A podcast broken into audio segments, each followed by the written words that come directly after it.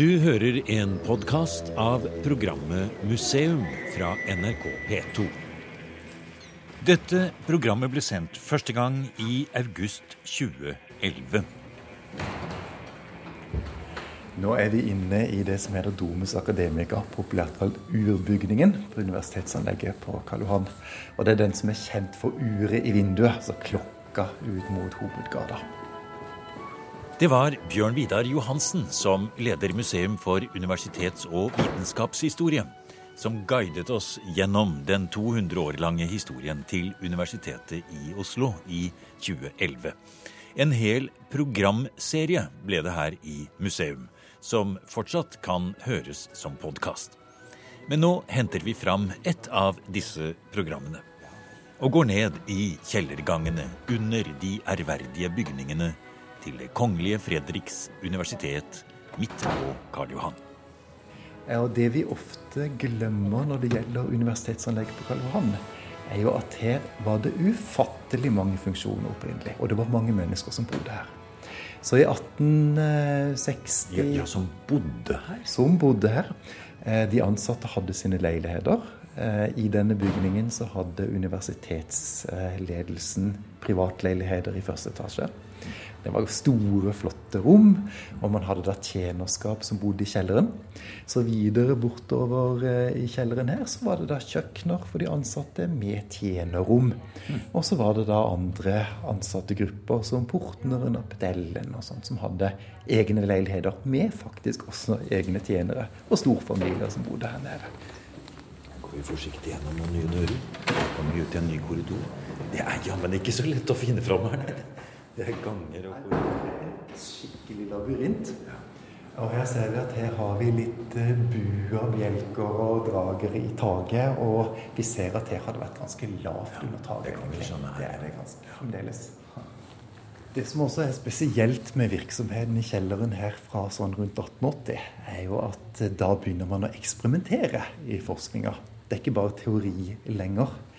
Og den første som tok i bruk denne litt sånn fuktige, forlatte leiligheten, det var en matematiker som het Karl Anton Bjerknes.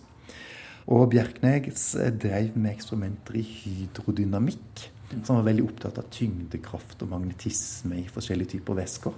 Men den gangen så var det absolutt ikke noe selvfølge at professorene hadde et eget arbeidssted her. Mange jobba hjemme. Og vi vet jo at Bjerknes begynte med sine eksperimenter hjemme på kjøkkenbenken, rett og slett.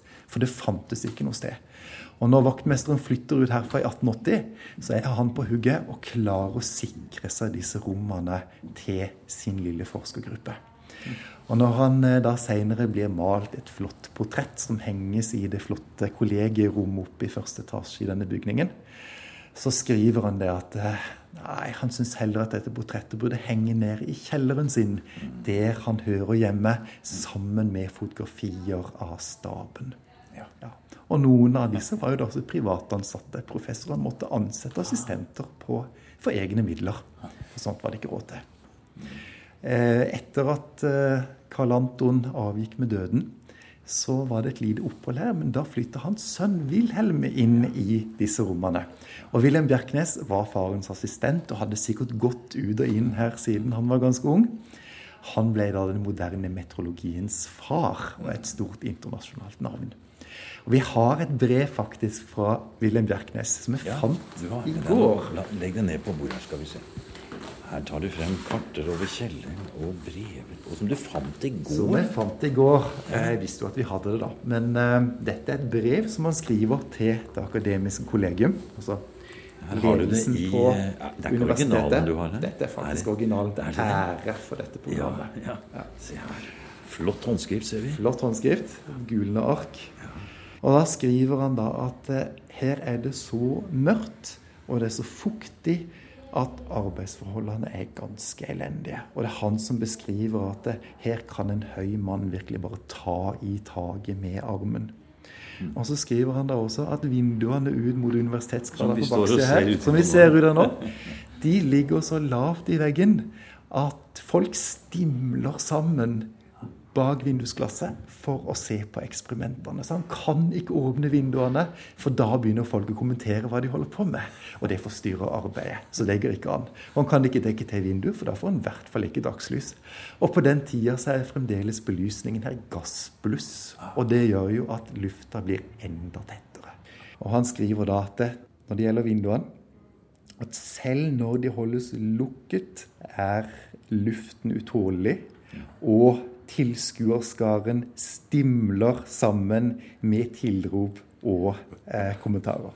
Fantastisk. Altså, på en måte så må man jo nesten eh, jeg har nesten litt glede seg over interessen for publikummet ute i gata her rundt 1900 og på den tiden, da, som står og stimler sammen og som skal se på den på si, gale professor som holder på med sine eksperimenter nede i kjelleren her. Eh, og forskningen til Bjerknes, den ga jo også resultater. Den gjorde absolutt det. Eh, han bygde jo videre på sin fars kunnskap.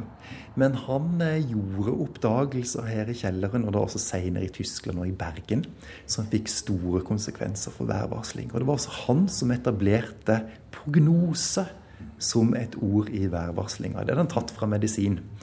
Eh, og han etablerte da også det å bruke likninger for å kunne definere og beskrive mønstre i været.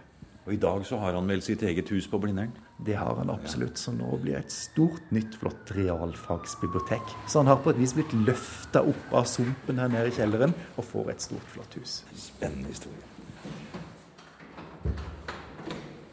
Det er Bjørn Vidar Johansen fra Museum for universitets- og vitenskapshistorie som er vår guide nede i gangene under universitetsbygningene på Karl Johan. Vi lukker opp en dør, ja, så er vi plutselig inne. Det var jo den legendariske frokostkjelleren her tidligere, som mange sikkert kjenner som serveringssted. Eh, når bygningen her ble pussa opp i 2004, så ble det gjort om til PC-stue. Men her var det da altså bryggerhus og lagerrom og kjøkkener og tjenerrom. Vi lukker opp dører og går på kryss og tvers. Følger korridorer og beveger oss mellom det moderne universitetets liv, med kollokviegrupper og PC-rom, og de historiske forskere og vitenskapsmenn som huserte i disse lokalene, nær sagt under Karl Johans gate, for 100 år siden. Og så har vi da neste beboer i, I disse, lokalene. I disse lokalene. Og det var ingen ringer enn Fridtjof Nansen. Vi er på virkelig historisk grunn her, Bjørn Absolutt. Og Nansen er jo selvfølgelig kjent eh, for de aller fleste. Ikke minst som eh, oppdager og polarforsker og diplomat og politiker. Men Nansen var jo professor her på universitetet. Mm. Og han eh, fikk professoratet ikke så lenge etter han kom hjem fra framferden sin. Og da er universitetet veldig, veldig opptatt av å si at dette handler om en vitenskapelig ekspedisjon. Og Nansen samler jo vitenskapelig materiale. To observasjoner på alle sine ekspedisjoner. Og da eh, bearbeider han det på universitetet. Han var først eh, professor i zoologi. Han hadde tatt doktorgraden sin på nervesystemet hos eh, bl.a. slimål. Og han var den første som beskrev at hjernen hadde hjerneceller, faktisk.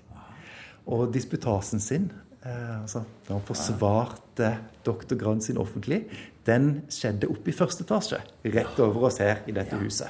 Og han fikk mye motbør fra universitetsvitenskapelige ansatte.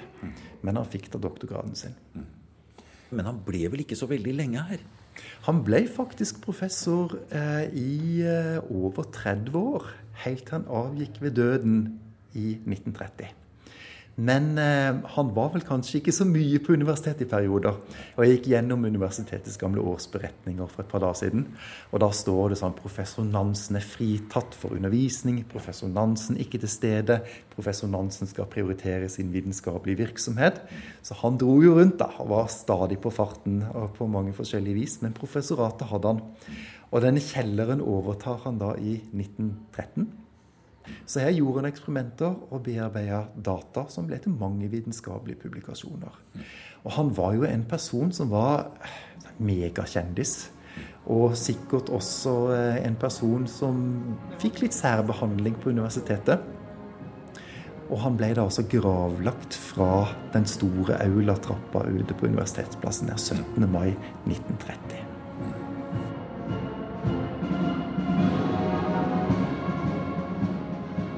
Nesten som bestilt kommer gardemusikken marsjerende oppover forbi universitetet når vi dukker opp fra under Domus Academica og er på vei ned i nye irrganger.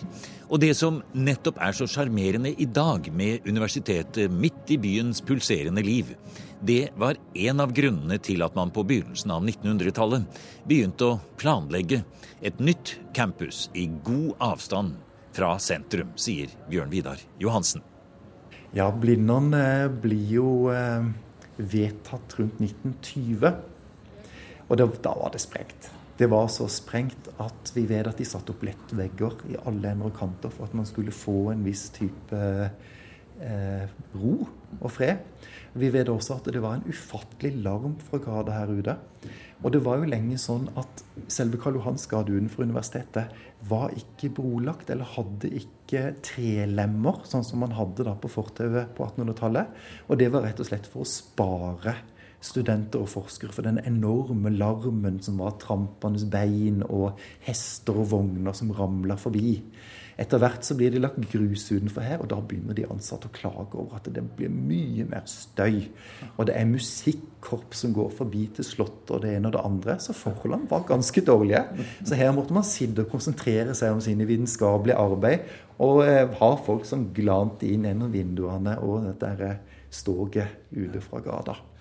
Så når man da begynner å planlegge Blindern, som du sier, man vedtar det allerede i 1920, så er jo det langt utenfor byen. Man skulle kanskje si utenfor byens larm da også. Ja, nå tanken med å få et nytt universitetsområde på Blindern, det var jo nettopp det at det skulle være fred og ro. Og det skulle være litt fjernt og litt høyt heva eh, over byen. Kanskje også folket. Men det er jo en måte som vi absolutt ikke tenker på i dag. I dag er vi kanskje mer opptatt av at universitetet skal være en del av noe. og Universitetet skal være der det skjer, og vi ønsker jo at universitetet skal være åpent. Mens den gang så var det kanskje roen og freden til å forske som var viktig. I veldig sterk kontrast til hvordan livet hadde vært her nede i kjelleren. Akkurat nå så går vi inn i en lang gang med bua hvelv, og nå er vi under den store hovedtrappa som leder opp til universitetets aula, bak de store søylene. Og I beskrivelsen av, eh, av dette rommet i 1852 så skriver de da at det er en lang gang opplyst av fire gassbluss. Og den er ganske lang. Eh, så her har det nok vært ganske mørkt opprinnelig. Så vi skal gå videre inn i det som ble kalt for Birkelands kjeller, og som ofte ble referert til som de skumle katakomber. Her suser det i byggeplassvifter og alt som er. Det er nesten som om Birkeland skulle holdt på med sine kanoner her. Ja, det er nok eh, ganske likt en del av støyen som nok var her i tidligere år. Og nå har jeg jo da i lomma juksa litt. Ja. Du har med deg en 200-lapp. Ja. Og der har vi et portrett av Kristian Birkeland. Han var professor i fysikk her på universitetet fra 1898.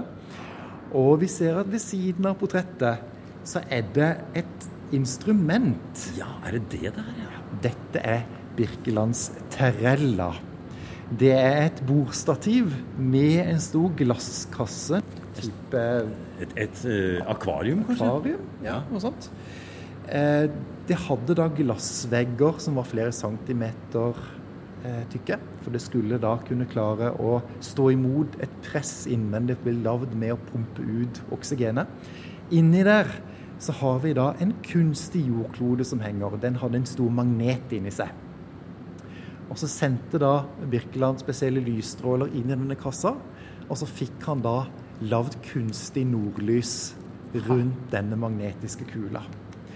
Så dette var et eksperiment eh, som var en viktig del av hans nordlysforskning. Han har jo blitt veldig kjent for å være den som knekte koden med hva nordlys egentlig var. Han var den som beskrev at det var sola som forårsaka nordlyset, kombinert med elektromagnetisme fra jorda. Vi går her inne i kjelleren på Universitetet i Oslo, og her er det byggeplass. Vi hører jo hvordan nær sagt Birkeland og hans assistenter holder på i bakgrunnen her hvis vi skrur tiden litt tilbake. Nå er det moderne ombyggingen vi hører. Men jeg kan ikke dy meg fra å tenke at nettopp i dette rommet gjør også Birkeland en av de virkelig store oppdagelsene som på en måte er hele, var med på å legge ryggraden for industrialiseringen av Norge. Ja, Birkeland var kjent for å være en mann med smell i, eh, bokstavelig talt. Han foreleste ikke så mye, men han eh, var jo kjent for å sprenge det elektriske anlegget i huset her hver gang, fordi han var så opptatt av elektrisitet. Og dette med elektrisitet eh, var viktig i en av hans eh, store oppfinnelser. Og Denne oppfinnelsen ble skapt her nede i kjelleren. Det var den elektromagnetiske kanon. Og det var en oppfinnelse som baserte seg på at han mente at elektrisitet kunne være basis for våpenindustri istedenfor krutt. Så han bygde da en kanon her nede, som ikke ser ut som en sånn klassisk kanon som vi ser på festninger, men som var da en sånt lite apparat. Ganske komplisert eh, apparat.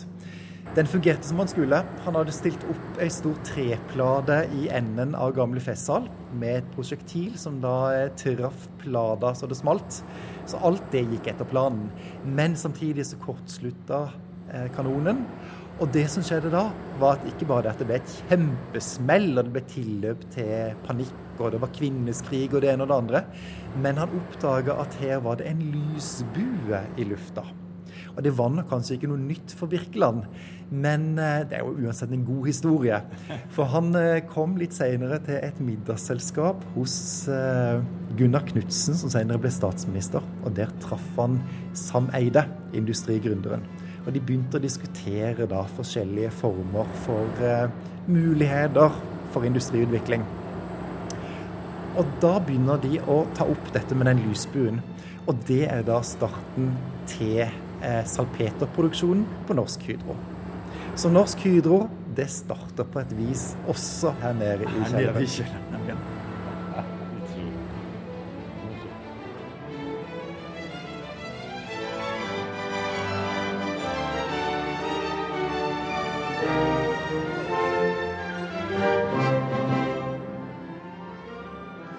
Noen toner fra Eivind Grovens Jalarjod følger med oss opp trappene mot universitetets aula. Nå skal vi inn i den nyrestaurerte salen, som opprinnelig ikke var en del av universitetet på Karl Johan, men som ble bygget i anledning det forrige jubileet i 1911.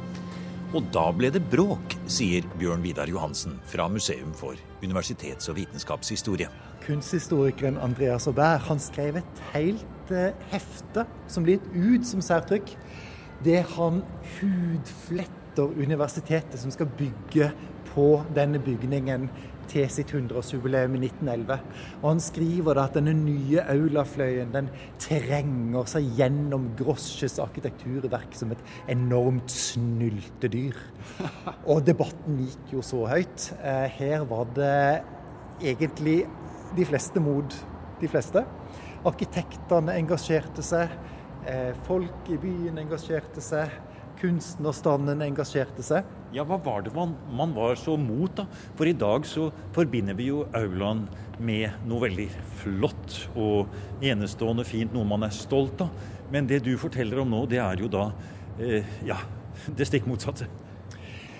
Eh, det som universitetet gjorde, som var veldig kontroversielt helt fra starten av, det var at de brukte sin egen bygningsinspektør, Holger Sinding Larsen, som arkitekt. Han fikk hjelp av en annen arkitekt, Harald Bøttger, som kanskje mestra klassisismen litt bedre enn det han gjorde sjøl. Eh, men eh, denne mangelen på konkurranse på utbygginga, dette satte virkelig sinnene i kok hos arkitektstanden.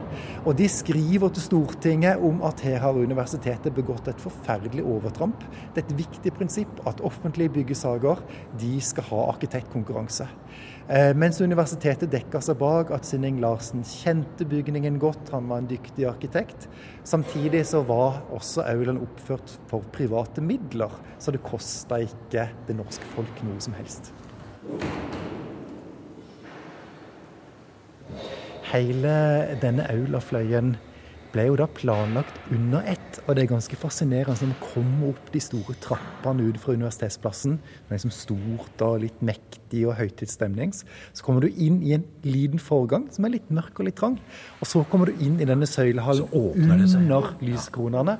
Så kommer du inn under galleriet i aulaen, som er også litt mørkt og litt trangt. Og så kommer du inn i selve aulaen, som er stor, marmorkledd et tak som da opprinnelig hadde elektrisk lys, som gjorde at lyset var der uansett årstid og uansett tid på døgnet. Det var fantastisk i 1911. Og dette her er jo da eh, som en slags eh, opplysningens hall, på et vis. Fantastisk. Og det er, det er sånn at man blir nesten helt eh, slått av farvene og det vakre. Og så skal man da gå videre gjennom denne flotte søylesalen og komme inn i aulaen. Eh, som vi skimter litt her inne. Og det var også et eh, kontroversielt eh, tema når det gjaldt utsmykningen av det. Det var det absolutt. Eh, det var ikke selvsagt at Edvard Munch skulle få dette oppdraget. Men det har vi noen andre som skal fortelle litt mer om. Og det er Ulla Uberg som kommer her. Hva var det som var problemet, for å si det sånn? Det var mange ting som var problemet, bl.a. måten eh, byggesaken var håndtert på. At, de, eh, at, det å velge en arkitekt for salen ikke var basert på konkurranse. Og det samme gjaldt eh, bildene, så da måtte man i hvert fall få til en konkurranse når det gjaldt utsmykningen.